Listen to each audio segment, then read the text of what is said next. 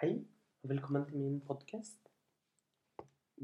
På denne podkasten forteller jeg eventyr, fortellinger og historier. Både fabler og mytologi. Og ulike historier fra ulike deler av verden. Og eventyrene mine er beregnet for eh, både for barn, men også for hele familien. Og i dag i dag skal vi til et av de norske folkeeventyrene, som også kan regnes som en fabel. Vi skal høre første del om bjørnen og reven. Og vi skal høre om hvorfor bjørnen er stubbrumpet.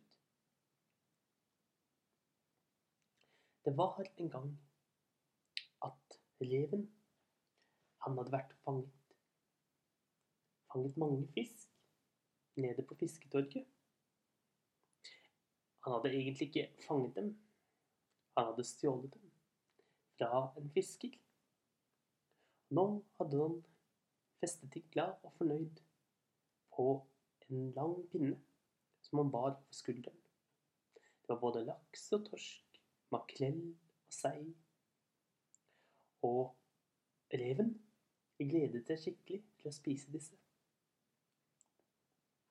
Og rett som han gikk bortover stien i sine egne tanker, så kom han til å krasje rett inn i en bjørn. Og bjørnen snudde seg til ham og sa, Er det du som krasjer inn i folk, du rev? Og for noen fine fisker du har med deg. Hvor har du fått tak i de? De har jeg vært nede og fisket, vet du, gamle Bamse Brakar sa Mikkel. Mm. Kan du vise meg hvordan jeg kan få fisket slik deilig fisk? spurte bjørnen. Nja, sa, sa reven. Jeg må tenke meg litt om. Det er jo min hemmelighet, da. Det er jo min hemmelighet som ja, vi rever har fortalt hverandre, og som har gått i arv i mange, mange år. Jeg kan ikke bare fortelle den hemmeligheten til deg. Og vær så snill, da, sa bjørnen. Jeg er så sulten, og de fiskene så så gode ut. Hvis ikke så slår jeg deg i hjel og tar fisken din. Og reven sa ja, ja, du får bli med meg, da.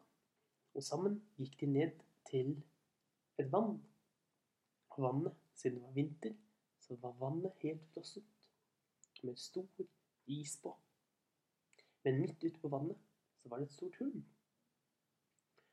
Her, sa, sa Mikkel her kan vi sitte. For dette her er min hemmelige fiskespott. Se nå, og setter du deg på kanten av hullet, så stikker du halen nedi hullet. Og så skal du ikke bry deg om du, om du kjenner at det biter litt. For det kommer nok til å bite og både klø og alt mulig på halen din, men du skal ikke Veldig viktig, du må ikke trekke den opp ennå. La den være ute i vannet, så, så du kan erte fiskene litt. Og til slutt, når du synes du har fått godt med fisk, da rykker du til i halen så hardt du kan. Og da, da vil du se at halen din er full av fisk, slik som jeg har her. Og bjørnen takket for dette gode rådet. Mikkel skyndte seg av gårde det forteste den kunne, hjem til levehulen. Bjørnen la den fine, lange, brune halen sin ned i hullet. Og etter en stund så kjente han at det begynte å bite. Det var isen som frøs til rundt halen på bjørnen. Men bjørnen ble sittende og lot, lot frysingen fortsette. Til slutt så syntes han han hadde fått nok.